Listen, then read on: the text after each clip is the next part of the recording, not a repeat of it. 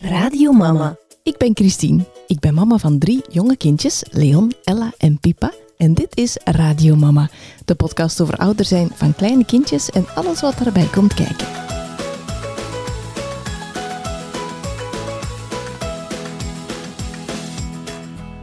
Welkom in de tweede aflevering van het vijfde seizoen van Radio Mama. Ik heb hier Noemi Willemme naast mij zitten. Uh, Noemi, welkom in de podcast. Uh, je bent geschiedkundige, illustrator, blogger, moeder en uh, waarschijnlijk nog van alles anders. ik ga het met jou hebben vandaag over de geschiedenis van het moederen. Ja. Voor we beginnen, eerst nog even dit. Podcasts zijn gratis, maar kosten wel tijd en geld voor mij om te maken en hosten. Door me een virtuele koffie te trakteren, maak je dit mee mogelijk. Surf naar christienwollands.be en klik door op Steun mij. Dankjewel. Oké, laten we eraan aan beginnen. Um, laten we eens beginnen bij jouw blog. Um, en kunt je ook eens even zelf uitspreken hoe die precies heet? Want het is zo van hè, Noemi van uh, Le Coeur uh, bla bla. Hè? weet iedereen wel over wie het gaat, maar... De naam van mijn blog is Le Coeur Amaré Bas. Ja. En dat is een stukje uit Le Plat Pays van Bril. En ik ben daar opgekomen omdat ik eigenlijk... Jacques Brel. Jacques, de, de ja. Jacques Brel, ja. ja. Ola. Um, ik ben daarop gekomen omdat ik um, een heel moeilijk begin van mijn moederen had. En ik, dat, dat was voor mij echt een heel moeilijke ervaring. Het was een heel traumatische bevalling na een heel fijne zwangerschap. En ik had het gevoel dat ik een hart had waarin het eb was. En waar mij vloed beloofd was. Hmm, en mooi. ik vond dat een, een, een, een mooi beeld. Allee, ik vond dat toen helemaal niet mooi. Ik vond het helemaal niet leuk. Maar achteraf heb ik mij daar wel mee verzoend. Omdat zo'n beeld van een strand in Eb... Ik ben reuze fan van de Eb, van de bij Noordzee. Dat is wel een plek waar er veel ruimte is. En daar waait wat.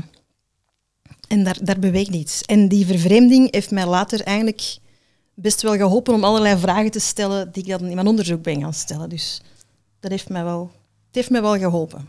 Ja, en hoe lang is dat geleden dat je die, die blog bent gestart? In 2015. Dus een paar maanden na de geboorte van onze eerste. Het moest een beetje, de storm moest een beetje gepasseerd zijn. En dan dacht ik van, nu ga ik daar een taal voor verzinnen. En ik heb dat dan ook getekend. En dan, dan, ik, wou, ik wou er ook een beetje humor in brengen. En dat is enigszins wel gelukt. Maar dat was eigenlijk een fijne ervaring, want er bestond niet veel over ambivalente gevoelens rond moederschap, sowieso niet. En heel weinig rond traumatische bevallingen. Mm Of ik vond daar weinig over. En ik dacht van, als ja. ik daar nu zelf over vertel, mhm. zullen de andere ervaringen wel komen. En ze kwamen. Ik wil niet zeggen dat ik de eerste was hoor, maar er was niet zoveel gesprek er was, Het was een gat in de markt. Dat absoluut. Ja. ja.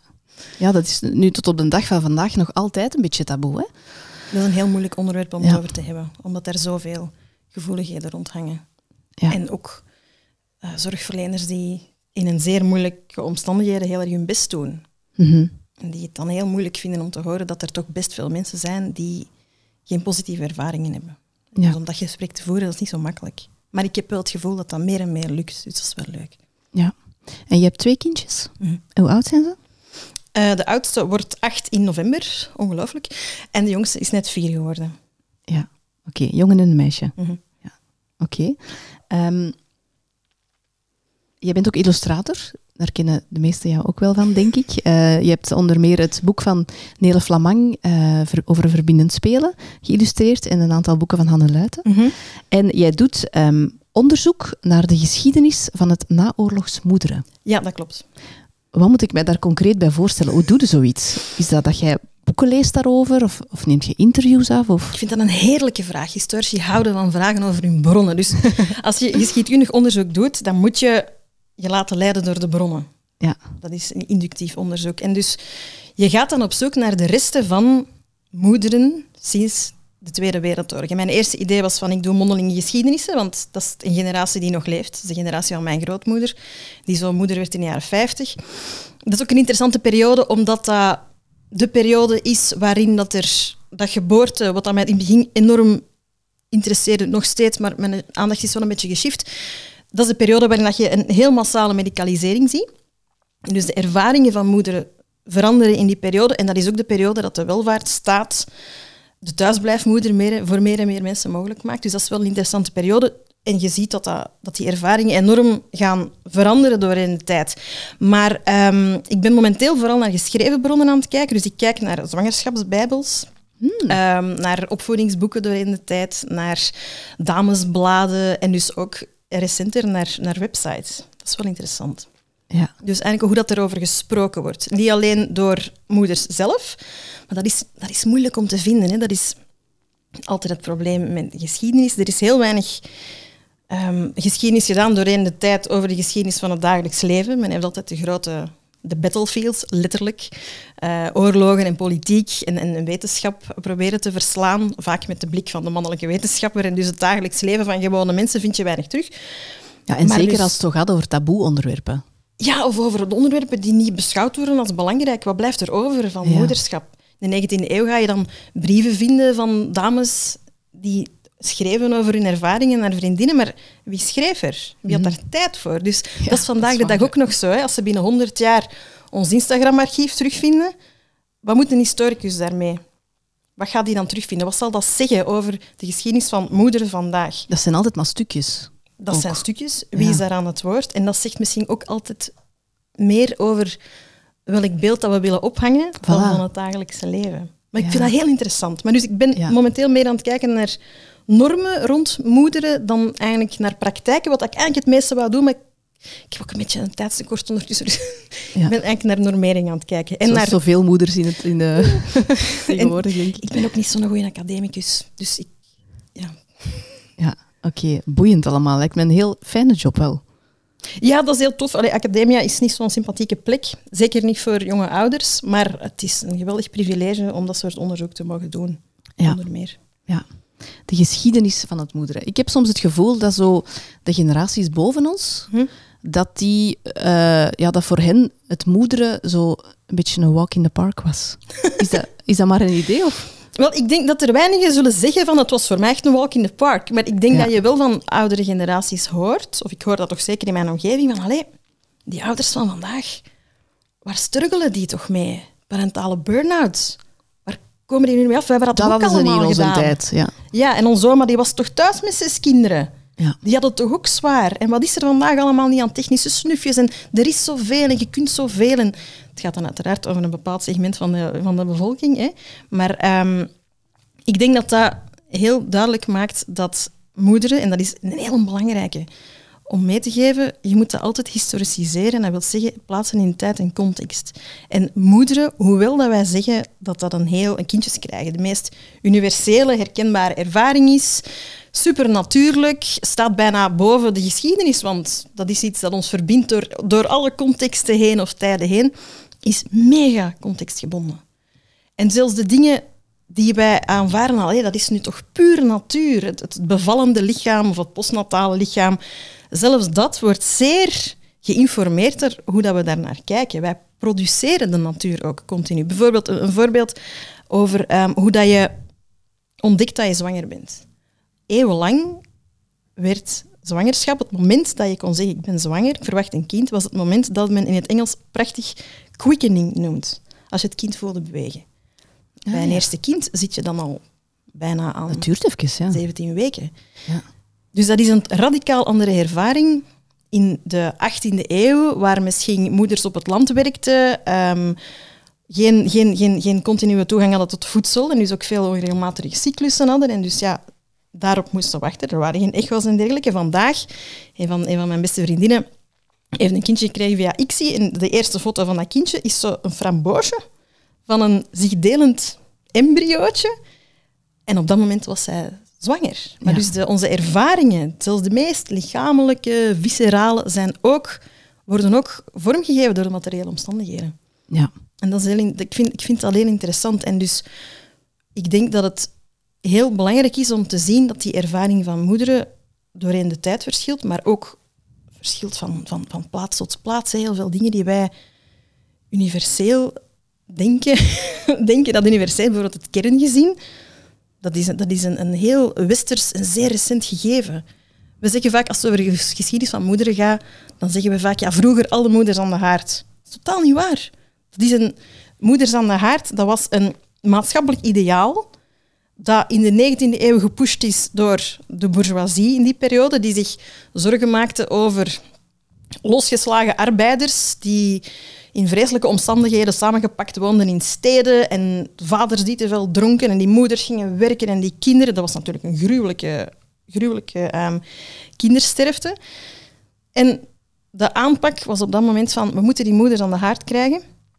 En als die vaders dan ook thuiskomen in een gezellig gezin, dan gaan die ook niet met hun maten op café zich gaan bezuipen of erger, een sociale onrust gaan creëren omdat ze beter loon willen bijvoorbeeld. Dus dat, dat maatschappelijk ideaal dat wordt de 20e eeuw mogelijk gemaakt door de welvaartsstaat dat een heel paternalistisch gegeven was. Hè? Want vader ging, moest, gaan, moest uit werken gaan en moeder moest dan thuis voor de kinderen zorgen in een heel kleine unit. Mensen leefden vroeger in veel grotere verbanden, maar omdat door industrialisering vallen die uit elkaar en gaan mensen naar steden wonen en zijn mensen nog bewegelijker en worden die units steeds kleiner. En dus een heel staatsmodel is daarop gebouwd. Vandaag, vandaag nog zo. Hè? Kijk, in COVID, de bubbel van vier is nu uitgestorven. Ja. Maar dus dat idee van dat bubbeltje van vier, dat was een maatschappelijk ideaal. En als je dat kon behalen, dan had je het gemaakt. Ja. Want dat wilde zeggen dat vader voldoende verdiende om zijn familie te onderhouden. Dat was een ideaal, dat zit zo in ons hoofd, dat dat de geschiedenis is, maar dat gaat over een zeer korte periode in de 20e eeuw, dat wat voor een grotere groep mensen mogelijk was. Dus voor een zekere middenklasse mogelijk was. Maar dan zijn er nog altijd heel veel vrouwen die ongetrouwd waren en ontzettend veel vrouwen die dan wel thuis waren, werkten, want huiswerk is ook werk, die thuis onbetaald werk deden, maar die ook heel vaak um, informele jobjes deden, zoals de was van de buren of passen op de kinderen van de buren bijvoorbeeld, om het gezinsinkomen aan te vullen.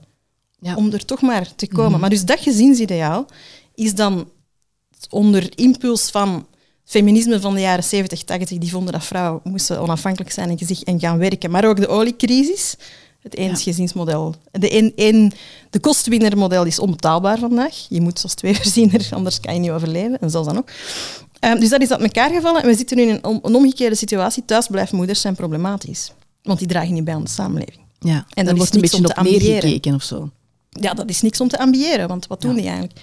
Laat staan, zeker en vast, als het, dan, als het, als het bijvoorbeeld Marokkaanse moeders zijn of zo, die moeten dan in een activerende welvaartsstaat gepusht worden om te zorgen. En dus dat heel dat idee van een, een maternalisme, waarbij je van naar vrouwen gaat kijken als ja, maar die, dat is het beste dat die kunnen doen, zo gaan die het gelukkigst worden in hun leven. Die, hebben daar ook de, die zijn daarvoor geboren, die hebben een soort emotionele vaardigheden die mannen niet hebben, hè, die kunnen dat. Van een maternalisme ga je over de jaren 70, 80 naar een bevrijding van vrouwen uit dat patriarchaal, het is geen ander woord voor, instituut van het moederschap. Het is niet meer evident dat je moeder wordt, zoals dat misschien voor onze grootouders zo was. Voor de generatie van onze moeders, door de mogelijkheid van anticonceptie en abortus, maar pas vanaf de jaren 90, was bevallen meer planbaar. En voor de jongere generaties is um, moederschap meer een, een keuze. Ja. En is, is, het is nog altijd, je moet nog altijd behoorlijk kunnen argumenteren waarom je als vrouw geen kinderen zou krijgen. Ja, want het is enerzijds misschien wel meer een keuze. Hè. Mhm. Je hebt ook wel veel mensen die bewust uh, geen ouder worden, mhm. hè, geen moeder worden. Maar je, je, allez, je moet je inderdaad, zoals je zegt, wel nog altijd verantwoorden dan, denk ik. Hè? Je moet dat, ah, waarom niet dan? Je moet dat heel sterk verantwoorden met van die bullshit uitleg van uh, ja, dat is toch egoïstisch om geen kinderen te krijgen. Van die onwaarschijnlijke ideeën daar rond. En je, je voelt dat dat...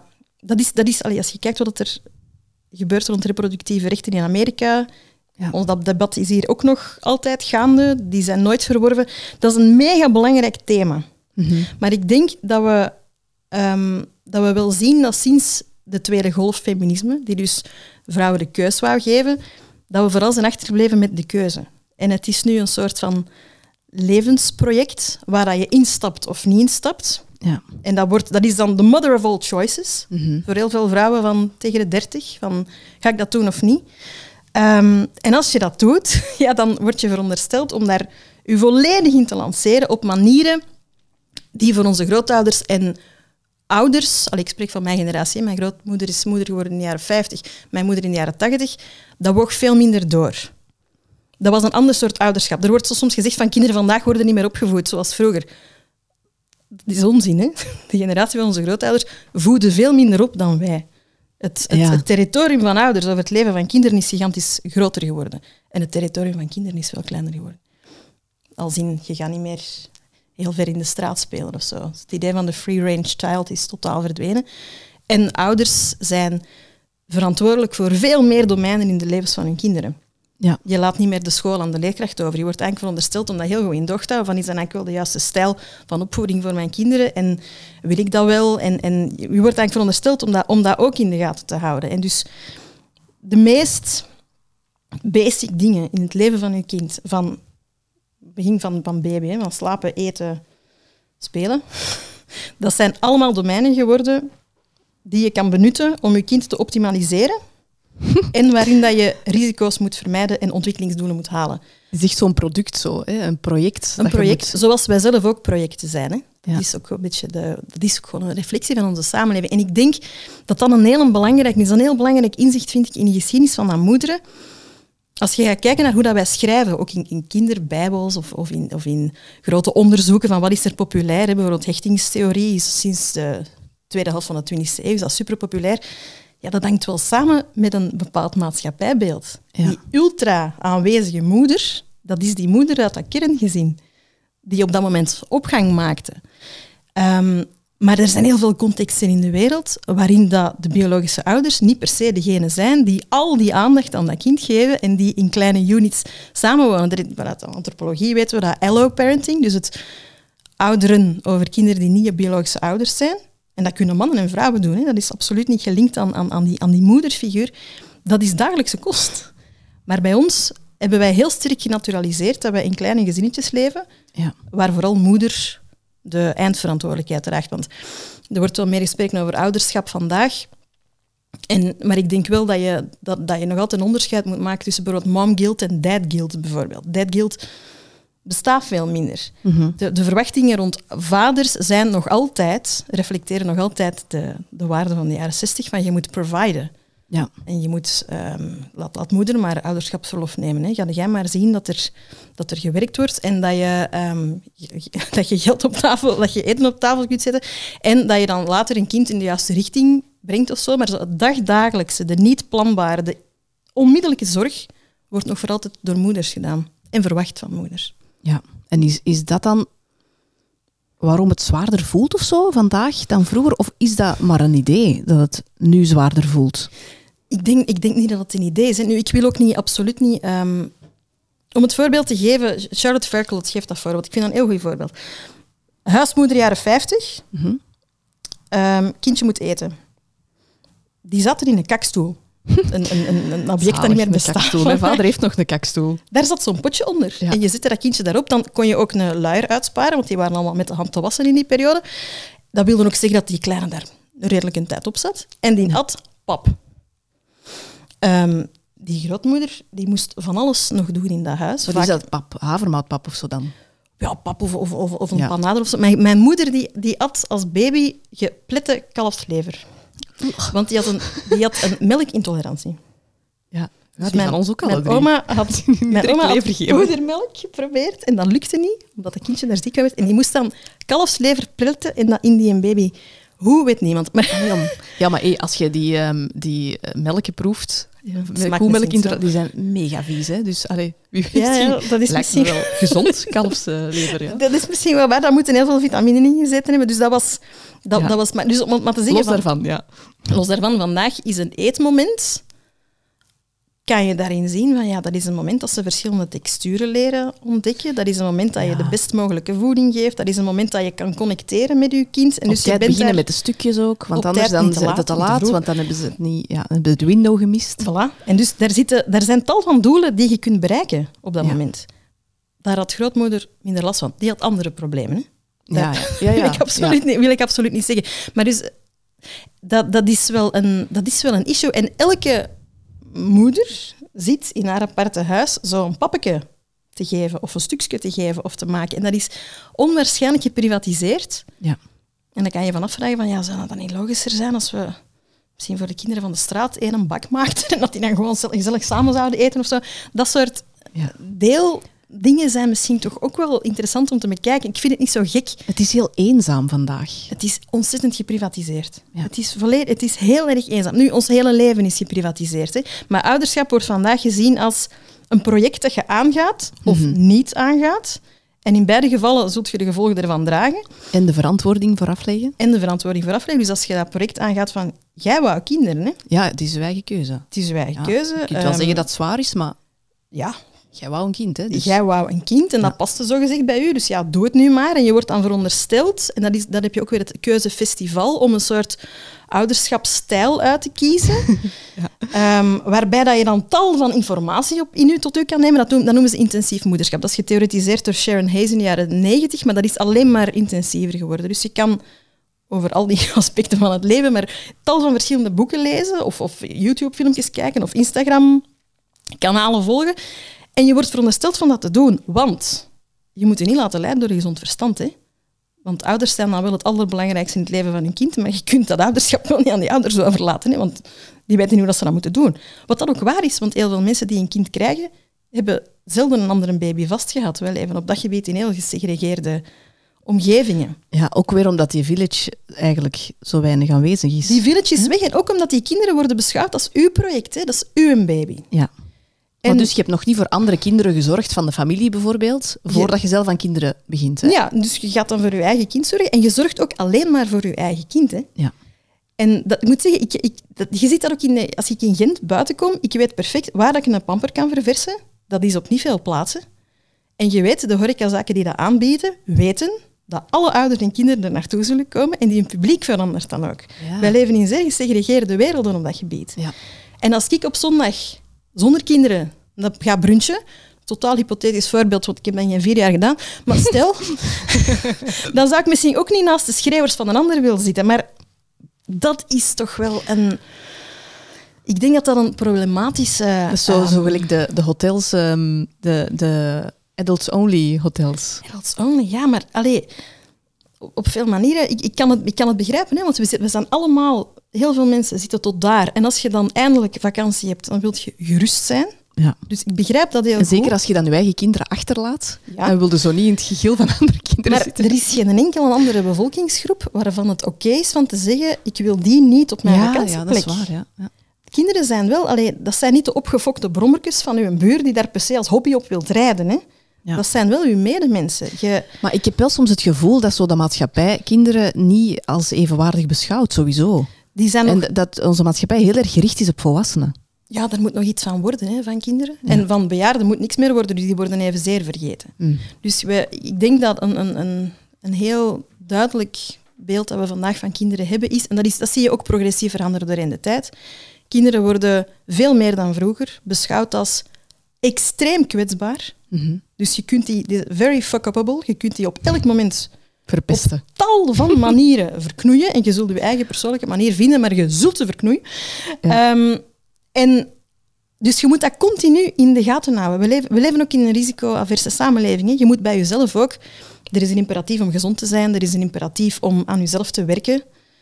Dat je, ehm, dat je door de dag komt. Dat hoort ook een beetje samen met de psycholo- psychologisering van de samenleving. Iedereen heeft een burn-out. Mhm. Maar heel veel van de reactie op burn-out is... Werk aan jezelf. Ja. Terwijl- Dus, dus allee, de verantwoordelijkheid ligt ook wordt enorm bij jezelf. wordt heel erg geïndividualiseerd en dat is met ouderschap net hetzelfde. Dat wordt heel erg geprivatiseerd van jij zorgt voor uw kind en je zorgt dat je door tal van risico's te vermijden hem zeker niet verpest, maar dat je ook elke ontwikkelingskans grijpt, zodat dat zo snel mogelijk een onafhankelijke burger wordt. Want dat is ongeveer wat we Het vandaag doel. verwachten van mensen, dat die Ja. niet in de hangmat van de samenleving belanden. Mhm. Want dat hebben we niet graag. En als er dan iets moeilijk gaat, dan is het ook je eigen verantwoordelijkheid. Dan heb je te weinig aan zelfzorg gedaan. Of dan... Ja, of dan moet je meer boeken lezen en experten zoeken of een soort levensveranderend webinar of een coach zoeken. Maar dat wordt heel erg bij mensen gelegd. En dat heeft, allee, ik, ik wil daar ook niet de psychologisering van de samenleving, heeft ook als voordeel dat we veel meer, veel meer aandacht hebben voor mentale gezondheid. Maar in een systeem dat volledig winstgedreven is, kan zich dat ook heel, erg- heel sterk tegen u keren. En dus het kind als project, je moet daar dan ook van genieten. Hè? Ah ja, je, hebt daar je, leven aan, je gaat daar nu je leven aan wijden. Dus zorg dat je het tof vindt en dat je het niet verpest. Want dat is vanaf nu de belangrijkste taak van je leven. Dat is intensief ouderschap. Dus een heel sterke morele druk om een zo goed mogelijk kind af te leveren. Om ehm, experten te volgen, om tal van adviezen te volgen, om heel veel te investeren. En niks is te veel, ook financieel. Als je, als je ehm, Als je kind iets nodig heeft, een of ander gadget of zo, dan moet je daarin investeren, je moet daar tijd in investeren. Maar je ziet van hier wie dat, dat kan doen. Mhm. Dat is een ouderschap, een heel intensief ouderschap, dat meestal alleen bereikt kan worden. En dat is onbereikbaar. Hè? Dat een soort, want het is ook... Het lijkt ook soms dat je niet kan stoppen. Ik volg heel veel van die discours over hechting bijvoorbeeld. Je vraagt dus soms af van... Is er een moment dat je kind gehecht is? of kan je dat Ja. eeuwig blijven optimaliseren? Het lijkt, ik denk dat Ja. heel veel ouders dat zo lezen als ja, ik kan elk moment, ik kan elk moment verder doen. En je, je, je ziet dat soms ook omdat het vaak zo eenzaam is, omdat er zo'n druk op ligt, dat ouders zeggen van ja, ehm, ik draag mijn kind altijd in de draagzak. En als die dan een keer een buggy gebruiken, dat die bijna denken van oei, ik heb, ik heb iets gedaan. Of als er een babyfoon niet gewerkt heeft en er heeft een kind langer geweend dan de bedoeling was. Dat Ja. zijn dingen die ouders zich quasi niet vergeven. Ja, Omdat die je- voelt als grote fouten of zo. Dat, maar ik heb ook zo'n paar dingen, hè, dat ik echt de tweede dag van, van, van, van, van, van onze puk daar, dat, die geboren was, die borstvoeding, dat lukte niet. En ik, ik, ik zie voor mij dat die weende en weende. En er was heel weinig ondersteuning in het ziekenhuis.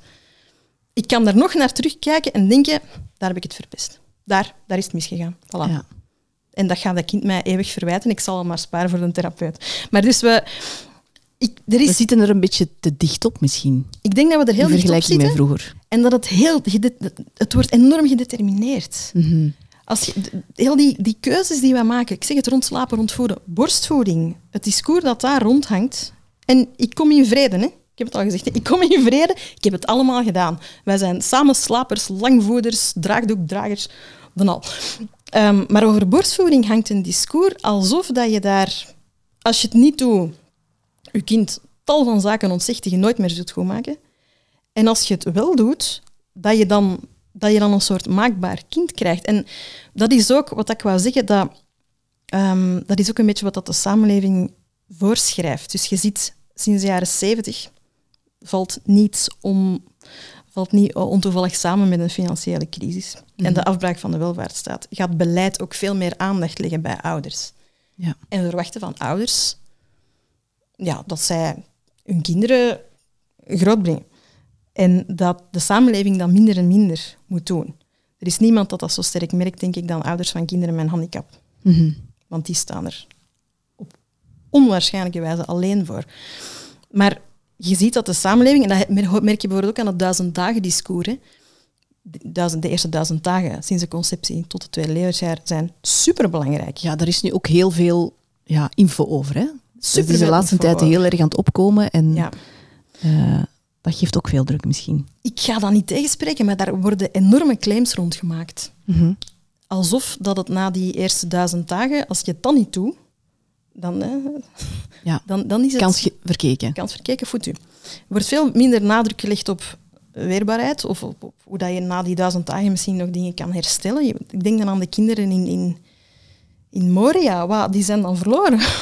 Wat? Hoe moet je daar... Allee, dus ik denk dat- dat die nadruk er wel ligt, Allee, dus dat dat wel gezegd wordt, Mhm. maar dat de boodschap zo zwaar is, dat je eigenlijk al verpletterd bent door die boodschap Ja. en eigenlijk mist van, maar wacht, er is ook heel veel herstel. Ja, en er is nog altijd ontwikkeling nadien en zo. Ik denk dat dat inderdaad waar is. Ja. Ik denk dat ouders heel erg gericht zijn op wat ik nu moet doen, moet juist zijn. Ja. Daardoor dat het ook niet helpt om tegen ouders te zeggen, maar je moet niet perfectionistisch zijn. Hè? Want dat is ook iets, een fout die je kunt maken. Je kunt er te dicht op zitten, of er te ver vanaf. Dus je moet zo'n soort onvindbaar evenwicht vinden.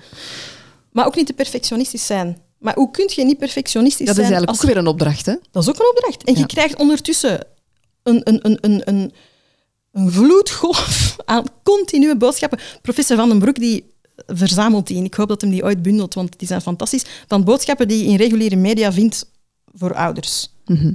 Dat is waanzinnig. Dat, wat dat, wat dat je, en, en vaak heel tegenstrijdig ook. Ja. Maar dus dat is heel erg geprivatiseerd en je moet als ouder daar het best mogelijke kind van maken.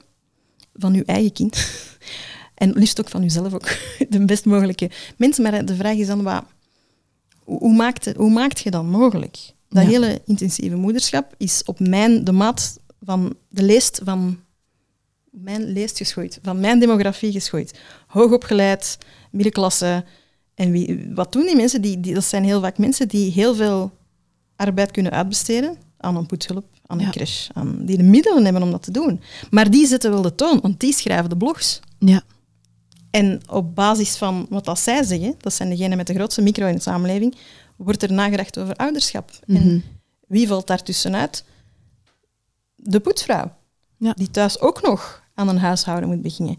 En je ziet dus wel dat er, er wordt vandaag meer en meer over moederschap geschreven. Hè. Er, er, er worden films over gemaakt, series over gemaakt. Ook in academia en in kunst is er veel meer aandacht voor. Dus dat is enerzijds goed. Anderzijds kun je niet zeggen dat er zoveel nieuwe discours zijn. Gewoon al die sarcastische mopjes van wine moms en zo. Ik ga straks in de wijn vliegen. En dat zijn heel zelden dingen die echt ehm, subversief zijn. Want dat eindigt heel vaak, maar ik zie ze toch heel supergraag. Het is het ook allemaal waard. En degenen die dat doen, zijn onverdachte moeders. Dat zijn rijke, witte moeders die dan een keer in een wijntje mogen vliegen. Maar bruine singlemoeders met twee kinderen, die zeggen van ik kan s'avonds in de wijn vliegen, daar hebben we als samenleving een heel ander beeld van. En dus het beeld van de ideale moeder wordt ook altijd gestut door het beeld van de slechte moeder, de niet goede moeder. Degene die het helemaal verkeerd doet en dat valt heel sterk op dezelfde grenzen van ras of van allee, gra- geracialiseerde groepen of van klassen bijvoorbeeld. En dat is heel problematisch. Je merkt dat ook in heel dat crècheverhaal. We hebben in COVID de grootste zorgcrisis als ouders meegemaakt in tijden, denk ik. Ja. Want je moest thuis zijn en voor de kinderen zorgen. ja. En werken en, ja. en dan zelf ook niet ehm, te veel vereenzamen en, en Liefst boven niet, water eh, Liefst houden. boven water blijven en pre-teachen en dergelijke. Die crisis is voorbij. Er zijn ontzettend veel mensen die hun eerste kind gekregen hebben in COVID in een geweldige eenzaamheid. Mhm. Je zou denken, die crisis is, die is niet voorbij, maar ik wil zeggen, zo de, de mondmaskers mochten af. Nu komt er een maatschappelijk debat over hoe gaan we dat hier aanpakken. Mhm. Want al die essentiële sectoren zijn redelijk essentieel en die zijn allemaal aan het verzuipen. Ja. En al dat essentieel werk dat je blijkbaar toch moet doen, dat zo onzichtbaar is. En dat tijdens COVID op een leuke wijze zichtbaar werd. Want er, ineens liepen er baby's door de Zoom-vergaderingen. En ik heb ook vergaderingen gedaan met melk op mijn trui en zo. Maar eigenlijk is dat wat je moet doen. Je moet het zichtbaar maken. Maar dus, de reactie die daarop kwam, was van het grote crèche-debat. Ja. En een van de onmiddellijke reacties was, ja, maar we gaan het ouderschapsverlof uitbreiden. Maar wie kan dat opnemen? Wie kan er leven van een deel van zijn loon? Haar loon. Of, kinderen horen eigenlijk niet in de crèche. Massale traumatisering. Maar wie, wie, wie kan zijn kind thuis houden? Dus ik vind dat je al die debatten moet kunnen voeren. Maar het is wel echt belangrijk dat we ons de vraag stellen van... Oké, hoe maken we dat dan mogelijk? En voor wie? ja, de problemen worden blootgelegd, maar er zijn geen oplossingen. De oplossing wordt naar u. Ja. Je moet eens diep nadenken over uw eigen balans. Hè. Is het nog wel juist? Ja, Zijt je er wel genoeg? hou je kind thuis, los het maar op. Ja, op een manier wel. en onze grootouders zijn ook nog allemaal aan het werk vaak. Ehm, en zijn ook veel minder aanwezig dan vroeger. Dus je, de village is nog meer uit elkaar gevallen. Ja, in dat opzicht is het, is het denk ik wel echt anders dan vroeger. Hè? Zo dat, dat, het wel. dat village gevoel en, en inderdaad, onze, onze eigen ouders eh, zijn nu allemaal nog aan het werken. Dus het is, het is lastiger om ze, Ja, en, om ze onder te brengen bij familie en vrienden en, en, en, of in de straat inderdaad. Wij speelden ook vroeger echt nog in de straat, zo dat wordt nu ook Dat wordt- veel minder. Je bent een slechte ouder, denk ik, als je dat nu te veel doet. Ja, dat is gevaarlijk. dat is gevaarlijk. Hè? En, allee, je moet ze bijna met een helmje buiten sturen. Ja, of en met een gsm. Met, met een chipje. Ja.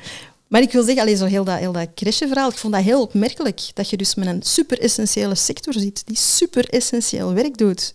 En in plaats van dat er dan gezegd wordt van, we gaan daar keihard in investeren, eigenlijk blijven ze beter thuis. Ja, want wat is er aan de hand? De, eh, de mensen die in de crash werken, die moeten beter ondersteund worden. Absoluut. Toch? Zodat die een goede eh, zorgverlening kunnen, kunnen geven. En ja, de verantwoordelijkheid ligt niet bij de moeder die thuis zit en die dan eigenlijk maar moet zorgen dat haar kind bij... Ja, als, als, als, wat we altijd doen is bij dat soort heel cruciale vragen, is het rondshotten tussen mensen die al uitge, uitgevrongen zijn. Ja, dus de uitgevrongen moeder, de uitgevrongen crèchemedewerker, de uitgevrongen poetshulp. En ik wil ook absoluut niet pretenderen dat dat een, dat dat een eh, probleem is van ouders alleen. Ik vind dat we dat veel breder moeten bekijken. Het onderscheid tussen parentale burn-out en burn-out, ik weet niet of ik dat zo zinvol vind, want iedereen is heel dun over een boterham gesmeerd. En we hebben een soort georganiseerde zorgschaart, excuseer, maar die singles ook hebben. Want alles wat dan nodig is om mensen te, te ondersteunen. Je moet kleren wassen, je moet, je moet ze eten geven, het huis moet schoon zijn, je moet toch even een tijd hebben voor jezelf. Dan heeft een single toch ook nodig. Hij moet Ja. dat ook voor zichzelf doen. Dus ik denk dat het echt wel zinvol is om veel verder te kijken naar het bubbel, dan het bubbeltje van vier. En dan ouderschap. Want de keerzijde van het project, het kindproject, is niet alleen een gigantische verantwoordelijkheid die dan bij ouders alleen ligt, maar ook het vasthouden van die segregatie. En kinderen zijn niet ons privébezit. Hè. Dat, is niet, dat kan niet de bedoeling zijn dat ouders op dergelijke wijze ook ehm, de enige zijn van wie het allemaal moet komen. Het zou, ehm, het zou denk ik veel zin- zinvoller zijn als we, op een, als we die kinderen ook veel meer kunnen delen. Omdat die dan, dat je dan ook als ouder niet de hele wereld moet zijn. Ik krijg dan vaak vragen van, van ehm, kan je iets vertellen over, omdat ik daar soms al eens zo iets over vertel, hè, van, van iets over antiracistisch opvoeden bijvoorbeeld, of ik doe ook maar wat hoor, of, of iets vertellen over handicap tegen je kinderen of zo, maar opleiden tot burgerschap, ik weet niet of dat je dat doet door weer een ouderschapscursus. Of is dat iets dat we doen door naar buiten te gaan met ons mannen? Mhm. En andere invloeden binnen te laten dan onszelf. Maar heel veel, je, je, je krijgt zo'n zo'n tegenstrijdige boodschappen. Want enerzijds moet je het zelf allemaal regelen. En je moet van EHBO tot kinderpsycholoog tot diëtist, moet je dat allemaal zijn voor je kind. En anderzijds moet je ook schrik hebben van je eigen invloed, want je kan het verpesten. Dus ik denk dat een gedeelde, een gedeelde zorg, dat iedereen daar beter mee zou zijn, inclusief kinderen. We hoeven niet alles zelf te doen. En we mogen best wel... Ik denk dat dat zinvoller zou zijn. Ook vooral omdat zo, dat idee van parenting vandaag, dat is niet gewoon een kind grootbrengen. Hè? Eten geven, aandacht geven, knuffels geven. Parenting is het optimaliseren van dat kind, zodat die een bijdragende burger wordt. Ja. Maar wat, waar is het verhaal van... Kinderen zijn mensen, medemensen, met een intrinsieke waarde, die zorg nodig hebben, zoals elke andere mens, en die die zorg moeten krijgen omdat ze al iets zijn en niet omdat ze nog iets moeten worden. ja, en ook dat zo. Het behouden van hun eh, authentieke zelf. Zo, hè? Ja. Ook dat is iets waar ik mee in mijn hoofd zit. Van, ik moet zien dat ik ze niet te hard het gevoel geef dat ze zichzelf niet mogen zijn. Maar ook dat is eigenlijk ook weer... Je kunt Een geen opdracht, kant op. Ja. Je kunt quasi geen kant op. Dat is, dat is heel, ik vind dat heel erg moeilijk. Ik ervaar dat zelf ook hoor. Ik kan daar allemaal kritiek op formuleren, maar ik vind dat heel moeilijk omdat... Ja, want het is ook niet dat dat allemaal niet klopt of zo. Hè? Dus Nee, het, het- allee, die eerste duizend dagen, daar zit die een theorie iets, daarover. Het is klopt wel. Hè? Allee, dus Ja. dat, is, dat is wel een ding. Dus het is zo een balans vinden of zo dan? Ja, en ook gewoon de eerste duizend dagen. Er wordt ontzettend veel nadruk gelegd op de ouder en dan vooral de moeder. Want het wordt heel sterk geëssentialiseerd, ook vanuit Ja. van in de zwangerschap al ben je een soort Ja. diade en borstvoeding, waardoor dan, dan een, papa of, of een, partner al sowieso een helper wordt, een ondersteuner, Ja. en veel minder die primaire rol kan opnemen. Die wordt van, van in het begin wordt die al aan de kant gezet. Ehm, maar allee, er wordt enorme nadruk gelegd, bijvoorbeeld waren dan voorstellen van we gaan ehm, zwangeren die eh, verslaafd zijn dwangzorg geven, omdat al die spullen, al die, al die chemicaliën die dan naar die foetus gaan, daar moeten we, ehm, moeten we tegengaan. Ehm, met heel straffe taal ook van eh, wat, gaan, wat gaan we doen met, met negligente ouders. Maar kinderen die geboren worden in Brussel krijgen via de navelstreng waanzinnige luchtverontreiniging binnen. Wat gaat het daarmee doen? Wie gaat het daarvoor dwang verplegen? Waar ligt, dus waar is de collectieve Ja. Waar is, waar is het collectieve vraagstuk? Wat, is, wat brengt een kind groot? Is dat die, die, die, die baarmoeder en, en dat bloed en, en, en, en, die, en die ouders in dat huisje? Of is dat het huis rond die ouders, de buurt waar ze wonen, de propere lucht of het gebrek eraan, de scholing die zij gekregen hebben? Er zijn zoveel publieke voorzieningen die wij volledig onzichtbaar maken in een soort fantasie, want je kan het niet anders noemen, van self-made onafhankelijke mensen. En wij zijn dat niet. En ik denk zeker in het licht van het antropoceen, dus het door de mens ontregelde ecosysteem, waarvan COVID ook een voorbeeld is. Je komt, je komt niet ver hè, met zo'n heel individualiserend verhaal van ik op mijn eilandje. Wij zijn zo ver van, van, van, van, van onze grond, letterlijk. Want ons eten komt in plastic in de supermarkt. Maar dat zijn allemaal ding, zaken die je wel zou moeten meenemen. En. Al die dingen zijn zaken die bijvoorbeeld black feministen ons geleerd hebben. Hè. De tweede feministische golf was het Hillary Clinton-feminisme, als het ware, was pro-choice. En dat is supergoed. Individuele vrijheden, superbelangrijk. Je moet keuzes kunnen maken. Wil ik een kind, wil ik geen kind? En dan ook nog zullen velen op de pijn botsen dat het niet zo gemakkelijk gaat. En dat het soms niet lukt. Maar er waren heel veel black feminists die zeiden, ja maar mannetjes, wacht. Wat ben ik met de free choice om een kind te krijgen als dat dan in een vreselijke neighborhood moet groot worden en blootgesteld wordt aan vreselijke armoede en verontreiniging, gaat het ook niet over het recht om kinderen in waardigheid groot te brengen. En dat is iets dat we delen, urgenter met de dag, omdat we op een opwarmende planeet zitten. En daar is iets, dat, dat- zo'n duizend dagen discours gaat in mijn ogen radicaal de andere kant op. Terwijl, wat is er belangrijk in die duizend dagen en alle dagen die zullen volgen? Een, een ecosysteem dat werkt voor al onze kindjes. Dat is de, dat is de grote paradox. En ik denk, denk dat er ook de reden is dat heel veel ouders micromanagen. Hè? Want we leven in zo'n moeilijke tijden. Je doet de gazet open of je doet je schermpje open en de, de doom komt u tegemoet. En dan denk je, ja, dat eten, dat kan ik tenminste nog Controleren. aan doen. En Ja, het is het, is het, het, ehm, het compenseren van controleverlies of zo. Zo van, hè, dit kind hier is hier in mijn huis. Dit kan ik, ja, heb ik onder controle. wat dit, dat ook een illusie is. dit kan ik, ja, dit is maakbaar of zo. Of dit, Ja, wat is- inderdaad ook een illusie is, maar het, het geeft misschien het gevoel van... Oké, de wereld is wel aan het ontploffen, ja. maar wat er hier gebeurt, dat eh, heb ik wel in de hand of zo.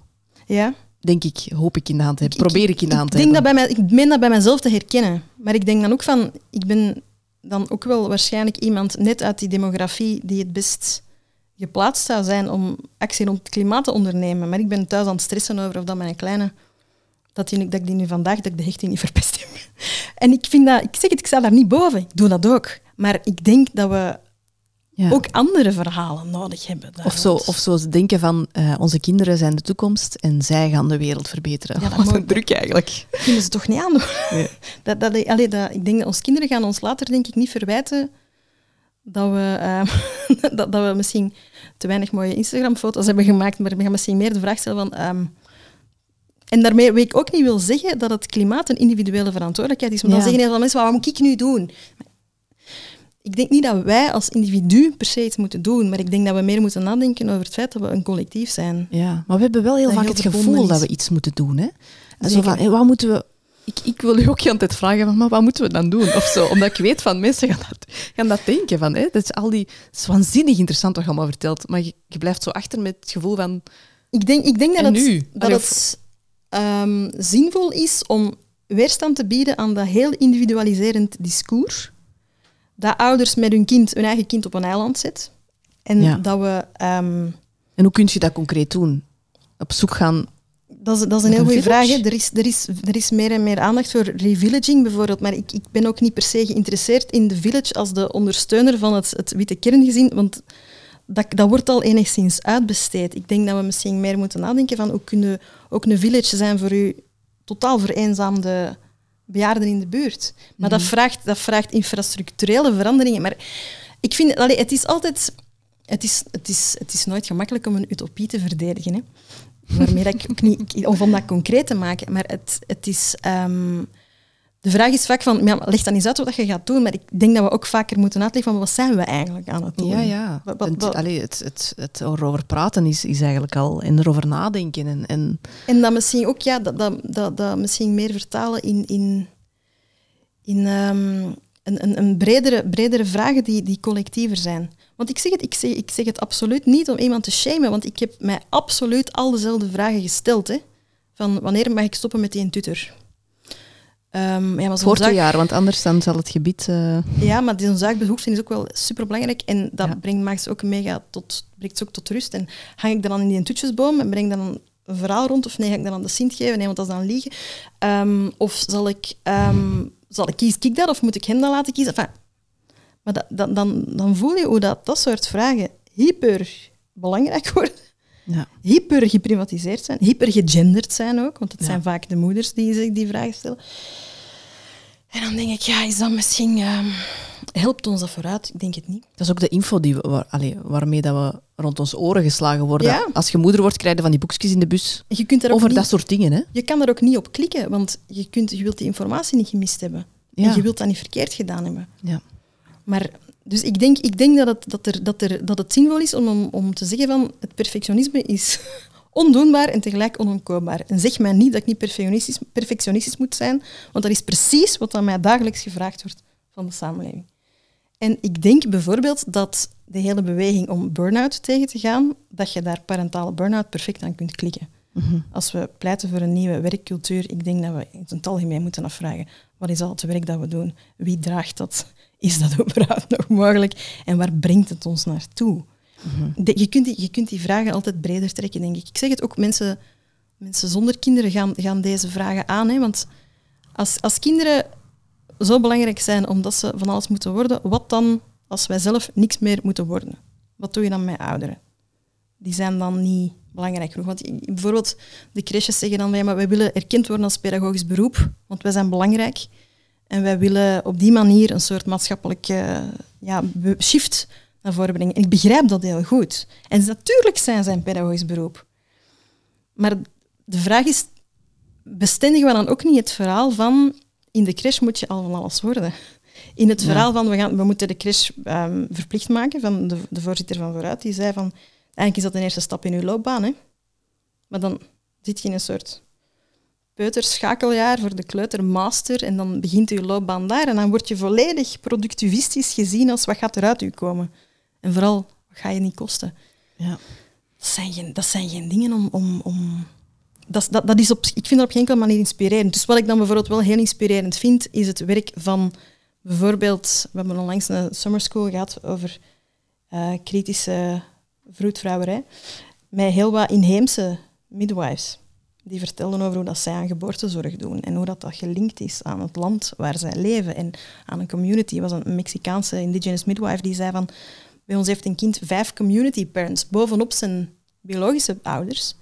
En dat zijn dan ja, mensen die u doorheen het leven leiden. En uw vroedvrouw leidt u mee doorheen het leven. En je maakt als kind deel uit van een community. En uw komst wordt gevierd of wordt gezien als iets belangrijks in die community. En ehm, ouderen en kinderen zijn het ontzettend belangrijk en gerespecteerd, omdat ze een soort wijsheid hebben. Ze zitten dichter bij de bron, allebei. De ene omdat ze er net van komen, de andere omdat ze er terug, naar op toe, op, op, eh, naartoe gaan. Ze hebben een hele speciale band en wij eren dat en respecteren dat. En postpartum is een periode waar we heel veel rust bieden en kalmte bieden en die geëerd wordt. En dan denk je, ja, dat is wel het soort mensen waar ik dan naar zou gaan luisteren. Eerder dan ehm, een, een, een, een minister die afkomt, ja, maar ja, de duizend dagen zijn belangrijk, dus blijf maar alleen thuis. En ik weet dat de duizend dagen belangrijk zijn, maar ik denk dat we andere manieren hebben om die te... Ja, we botsen ook gewoon tegen, allee, tegen het plafond, tegen, tegen de muur van meer kunnen we niet doen dan dit gewoon zo. de, tegen de muur van uw eigen van, Ja. van uw kunnen, hè, ja, en, en ook van uw, van uw, van uw welbevinden. Hè, want als het dan gaat over mental health, daar is onderzoek naar gedaan in Amerika. De, de, meest intensief moederende moeders zijn ook de ongelukkigste, omdat je, je, kunt, je kunt er niet mee omgaan met die onmogelijkheid. En ik, ik, ik verwijt het ook niemand die er niet mee om kan hoor. Ik vond het ook heel erg moeilijk. Ik vind het moeilijk, kinderen opvoeden vandaag. Ik zeg het vooral in het licht van de, de crisis. Ehm, als ik kijk naar hun levensverwachting tot hoe oud dat mijn kinderen dan zouden worden. En als je daar dan een klimaatrapport naast ligt, dan denk je... Ja, daar ligt wel iets om te doen. En ehm, dat is ook iets dat onze ouders niet op die manier hebben beleefd, denk ik. En dat is ook een druk die je absoluut niet mag onderschatten, volgens mij. ja. Dat is allemaal niet concreet, hè. Ik ben niet concreet aan het zeggen wat dat we kunnen Dat doen. is maar helemaal niet erg. Dat is, eh, dat is oké. ik pleit wel voor Als dat de... er niet is, moeten we dat ook niet toveren. Hè? Allee, het is, eh, Ja, ik wil ook niemand sturen. Ik wil daar ook niet per se iemand in sturen. Maar ik vind wel dat, zoals veel mensen zeggen, die essentiële sectoren en die essentiële zorg, wat dat moederen is. Want ik spreek graag over moederen als meervoud. Als in het koesteren en het grootbrengen en het, het zorgen. Dat mag van mij part ook vaderen noemen. Maar in tegenstelling tot parenting, dat van alles moet worden. ja, dat, e- dat eerder een, ja, een, een soort van opdracht is of zo. Of- Ja, of, of een project. Hè. En ja. het, het ene maakt leven en een andere maakt een burger. Maar ik vind dat een heel enge in- invulling van burgerschap. En ook gewoon van, van, ja, van mens zijn, want dat is, dat is, dat is alles wat dan niet mag- niks mag kosten. En dat geldt voor singles evenzeer. hè. Waarom heeft iedereen een burn-out? Omdat iedereen erover gewerkt is en veel te weinig tijd kan vinden om ook voor zichzelf te zorgen en te kunnen bestaan. En alles wat dat leven maakt... Gewoon bestaan. Dat is eigenlijk... Bestaan, gewoon kunnen bestaan. Ja. wat dat leven maakt. Alles wat dat life-sustaining is. Wij, ver- wij verwoorden dat in termen van, maar dat is onschatbaar. En moederliefde, dat is... Dat doet het toch uit de liefde van uw hart. En dat is toch het schoonste dat er is, maar het mag wel niks kosten. Het mag ook niet in de buurt komen van u, of in, in, in de, in, over de sporen lopen van uw betaald werk, want dan ben je niet meer productief. Maar wat, wat, gaat, wat redden uit een grote brand? Toch uw eenzame grootmoeder die in het rusthuis zit en uw aktentas. Dat zijn zo van die heel, heel evidente zaken eigenlijk, die iedereen op dezelfde manier beantwoordt quasi, Mhm. maar waar wij niet naar leven. En dat is niet onze individuele schuld. Nee. Dus dat, ik denk dat dat wel, dat dat wel zinvolle... ehm, ik denk dat het zinvol is om het debat op die manier te recenteren. Ja, dat is niet onze individuele schuld. Dat, Dat vind heeft geen- een belangrijke zin. Heeft geen zin, omdat dat, dat brengt ons nergens. Dat is ook dat, is dat hele verhaal van mensen die kinderen krijgen, dragen bij aan de, ehm, aan de druk op het klimaat. Maar dan, Ja, Oké, maar dan zit je dan ook weer volledig uit de wind wat dat gigantische bedrijven doen. ja. ja waar dat veel minder vragen over worden gesteld. En ook dat wordt dan weer teruggebracht naar een individuele, vraag, waar dat de ene dan zich, die zich verantwoordt tegen de ander. En we, moeten, we hoeven dat echt niet te doen, denk ik. Er zit veel meer fundamentele verbinding tussen ons allemaal dan in die kleine verschillen die we onder ouders hebben. Dat is helemaal waanzin. Tussen de flesvoeder en de, de, borstvoeder. Ja. Wat het. Ja. Maar ook tussen kinderen hebben Let's en not geen... go that way. Ja, maar ook tussen kinderen hebben en geen kinderen hebben. Ik denk dat we die, dat we die verschillen heel sterk overschatten, allemaal. Alles is een wedstrijd of zo. En, en ja, soms heel vermoeiend. Ik vind het ouderschap ook een heel gevoelig onderwerp vandaag. Heel gevoelig. Was dat vroeger ook zo? Ehm, ik denk, dat, ja, maar ehm, vandaag ligt dus die heel dikke morele laag daarop van dat je het heel erg goed moet doen. En dus je, Ja. moet, het, je moet elke keuze die je maakt ook met je leven kunnen verdedigen. En met een goede uitleg. En dat wordt dan de moedermafia genoemd. En ik zie dat gedrag voor mij. Ik heb het ook al gezien. Hè. Ehm, heb het misschien ook al wel gedaan. Ik heb heel erg moeten verdedigen in mijn omgeving dat ik lang borstvoeding gaf, bijvoorbeeld. Ehm, maar eigenlijk zijn, is, dat, is dat een gedrag dat volledig wordt voorgeschreven. Want je wordt verondersteld om heel goed te verantwoorden wat dat je gedaan hebt. Dus te gaan zeggen van, dat je dat, dat je dat, ja, dat je dan ook, je moet, het, je moet het heel belangrijk vinden, tegelijkertijd moet je erboven staan. Je moet heel goed voor je kinderen zorgen, tegelijkertijd moet je werken alsof je er geen hebt. Dat zijn van die heel grote ehm, tegenstrijdigheden waar je als, als mens gewoon knettergek van wordt, waar, je, niet, waar je niet tegenop kan. En die, ehm, ja, ik zeg het, de enigen die die normen kunnen halen en ze niet halen, zijn mensen in een toplaag.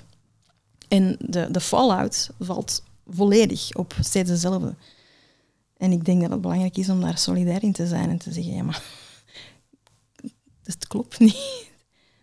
Ik, denk dat, ja, ik, vind, ik vind dat heel belangrijk, vooral als je nu ziet hoeveel mensen kunnen hun energiefacturen krijgen die en denken, wow, voor hoeveel mensen is een nakende recessie ehm, het, het laatste duwtje over de edge.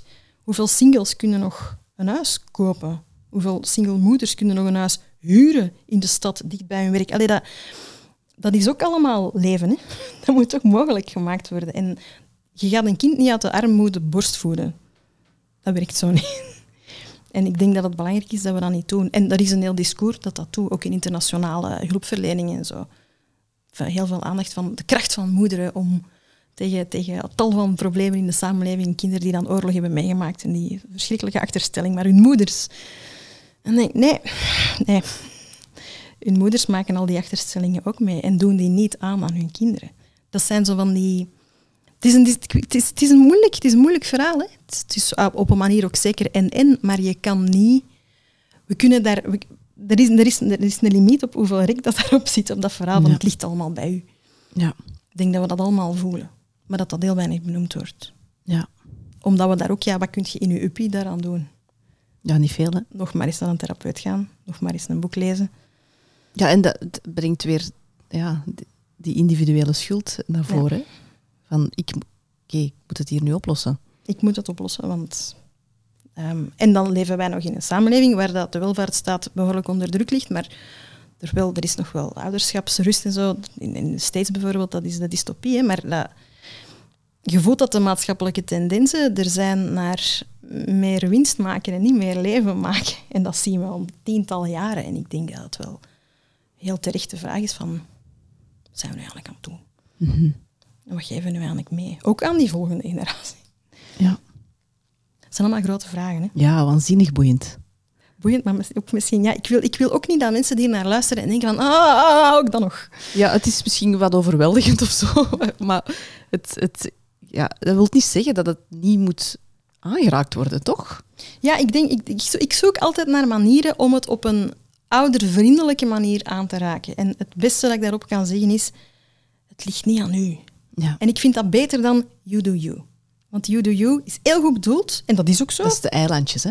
maar dat is wel een eilandje. Ja. En eigenlijk zijn we allemaal op ons eilandje heel erg hetzelfde aan het doen. Mhm. En dat kind, die je per se gewild hebt, als je persoonlijke woensdagnamiddag hobby, zoals gaan ponyrijden, en nu moet je dat verder doen, want Ja. die investering is gemaakt, ja, dat is ook dat is een, dat is een deel van een geheel.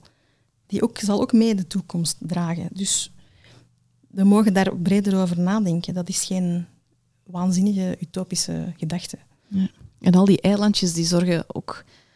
Ja, je kijkt dan naar de andere eilandjes en... en Ja, en het wordt ook competitief voorgesteld. Hè. Denk aan al die ouders die het wordt nu met je tegengegaan door aanmeldsystemen, maar die gaan kamperen voor dan een, een, een- voor een goede school te hebben. Ja, waarom, het zou goed zijn als we allemaal naar de community school gaan en naar de community crash gaan en dat de ouders die het kapitaal hebben, op tal van manieren, cultureel kapitaal, financieel kapitaal, ermee, de, de micro hebben, ermee voor zorgen dat die, dat, die, dat die scholen goed zijn voor iedereen. Maar we worden zo uit elkaar gespeeld. Ehm, dat is gewoon heel jammer.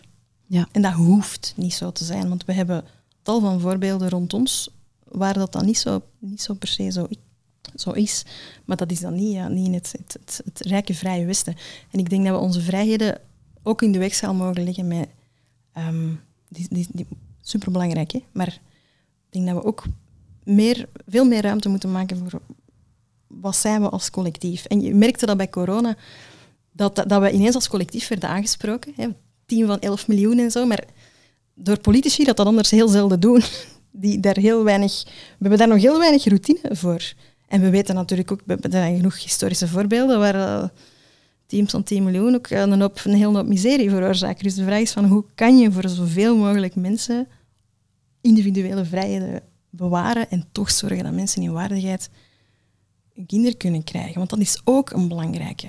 Dat, dat, dat wordt heel vaak vergeten. We hebben het heel vaak over het recht om geen kinderen te krijgen, geen moeder te moeten worden. Mhm. Maar het recht om je kind te kunnen krijgen en daar zelf voor te mogen zorgen.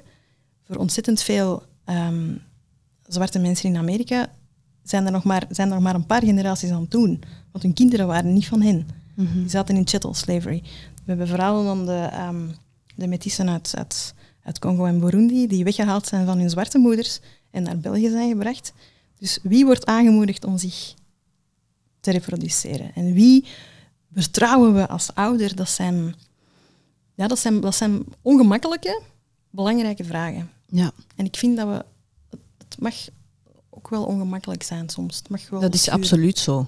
Ja. Zonder dat we daar dan s'nachts ook niks over moeten gaan wakker liggen, persoonlijk in ons eigen kleine bedje. ja, want ik voel nu zelf zo, ik voel me nu zo heel klein zo. En ik denk zo, alles waar ik mee bezig ben, dat is zo snapte. En ik, ik, v- allee, ik veroordeel dan mezelf dat ik dat voel. Dat, dat, dat is ook niet nodig. hè. Ja, dus het, is, het is, er gaat van alles om in mijn hoofd. ik moeilijk kan verwoorden. Maar het is wel eh, belangrijk, denk ik inderdaad, dat we zo dat ongemakkelijke durven Ja, en ieder ook, benoemen, bekijken. eh, ieder ook zijn eigen dingen. Je hebt ook eh, bijvoorbeeld al die aandacht die er is voor mentale gezondheid, die is nodig. Hè? ja. We leven in tijden waarin dat, dat nodig is. Er Ja, komt het is zoveel niet- op ons af, Ja. onze kinderen ook. Het is, het is echt niet of-of. Ik ben hier niet om... Ja. Het is niet omdat er iets groters is, dat daarom de kleinere dingen niet meer belangrijk zijn. Of zo. Nee, absoluut niet. En het Ja. is ook niet omdat, mentaal, om- omdat mental health ehm, misbruikt wordt. En dat vind ik ook echt dat dat gebeurt. Hè. Dat wordt misbruikt om te zeggen van, los jij het maar op met uw coach. Hè. Terwijl het de oorzaak van uw probleem misschien grotere samenlevingsproblemen zijn, zoals bij burn-out bijvoorbeeld. Het is, dat wil niet zeggen dat je dat niet nodig hebt. Ja. Dat je geen ondersteuning nodig hebt. Die heb je zeker nodig. We mogen dat alleen niet vertalen in de immer individualiserende Je vraag bent er van, zelf verantwoordelijk voor. ben jij wel weerbaar genoeg Mhm. in een systeem dat niet werkt? Ja. Maar dat zijn, dat zijn moeilijke. Dat zijn moeilijk, ik weet dat dat moeilijk is. Het, is ook, het zijn ook maar kleine aanzetjes hoor. Want ik, ik zeg, ik sukkel thuis met net hetzelfde. Ja. Maar dat wil niet zeggen dat ik het niet belangrijk vind om, om het daar wel. Ja. Over te hebben. Want de, de, de geschiedenis van moeder dwingt ons daartoe om het daarover Ja. te hebben. Van, dat is wat, dat, is wat ik. Als je, je, moet in, je moet in geschiedenis altijd heel hard oppassen voor grote verhalen. Zeker als het over van die heel persoonlijke dingen gaat, want de diversiteit is gigantisch. Maar dat is een trend die je zeker op beleidsniveau wel echt ziet. Dat er veel meer aandacht gaat naar individuen die dan hun eigen leven moeten managen en naar ouders die dan een goede start. Maar wie dat er bij de eindstreep komt, ja, ik denk dat dat... een, ehm, er zijn ontzettend veel mensen mee bezig, hè.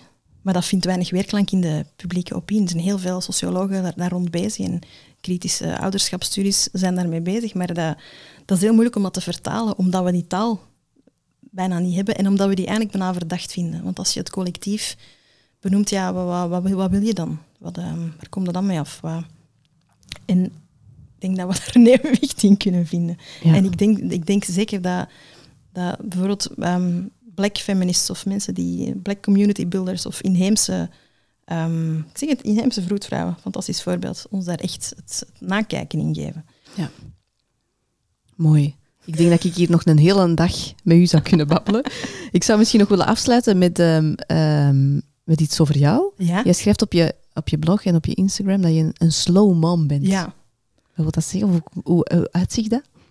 Een slow mom, als in, ik, ben, ik, ben niet zo, ik ben niet super traag, maar ik, ben wel heel, ik heb heel, erg geworsteld met de identiteit van moeder. Omdat ik, ik, ik, weet, ik wou er ook niet per se worden als kind. En al later had ik dan een kinderwens. En het heeft heel lang geduurd voordat ik mijzelf echt een mama kon noemen. Ook omdat ik begin vond ik dat ik dat niet verdiende, omdat ik te weinig band had met dat kind of zo. Maar ehm, ik vind het, ik vind, uiteindelijk heeft die vervreemding op een manier heeft die mij wel geholpen. Ik probeer die een beetje te koesteren. Ja. Omdat een soort van vervreemding en beseffen dat het niet de natuur is die u dicteert. En, u, en als, als de natuur u dicteert, dan kan alleen maar uw lijf daarin falen.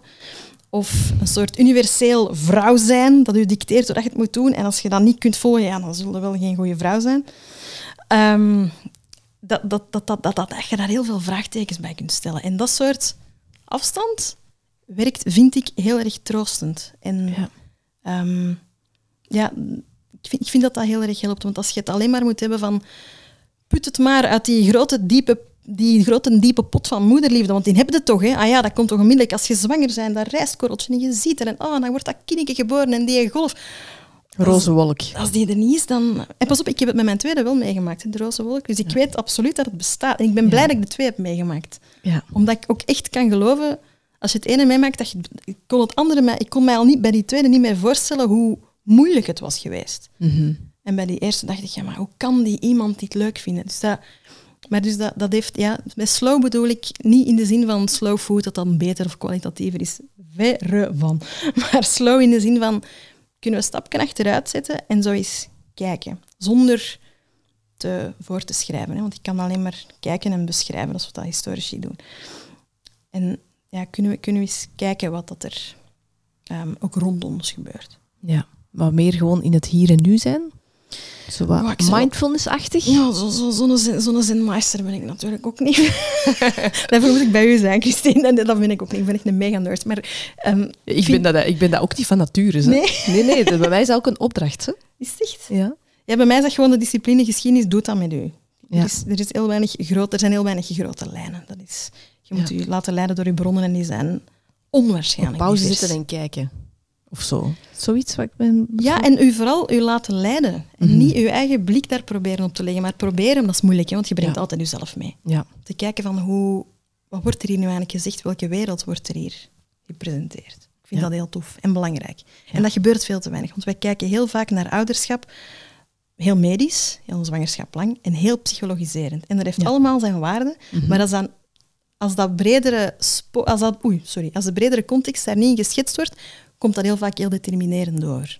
Ja. En dat helpt niet altijd, denk ik. Of heel universeel. En het is veel ambivalenter en diverser. En ook zo heel ons idee over natuur. We hebben het heel vaak over natuur, maar als er iets in de natuur van de mensen zit, als je dat zo mag zeggen, zit er altijd tussen aanhalingstekens, dan is het dat wij technologie gebruiken Ja, dat wij eigenlijk om ons aan te passen. zoveel mogelijk proberen om die natuur te omzeilen. Ja, en om, om zwangerschappen te- uit te stellen, te of zwangerschappen te, te, Ja. te, te vermijden of, of, of te stop te zetten. Dat is zo uit als de mensheid. Ja. Dat is, niet, dat is niet hier binnengebracht in 1990, hè, maar dat is zo vaak de ahistorische blik waarmee dat wij kijken. Ja. En een historiciserende blik kan helpen. Ja. Vind ik. Ja, ik eh, ben heel blij met wat dat jij allemaal gebracht hebt. Echt waar, ik vond het een heel, heel interessant gesprek. Ik wil u super graag bedanken. Dat is heel graag gedaan. Ik ga nu heel hard nadenken over hoe dat we dat kunnen concreter maken. Dat is voor een volgende aflevering. nee, nee, nee. En voor jou ook heel erg bedankt ehm, om te kijken of te luisteren. Ehm, daar ben ik echt, echt super dankbaar voor. Want als jij niet zou kijken of zou luisteren, dan was Ra- stond Radio Mama nu niet waar dat het nu staat. Dus oprecht heel erg bedankt. En ik zie of ik hoor jou, ehm, of ik ja, ontmoet jou in de volgende aflevering.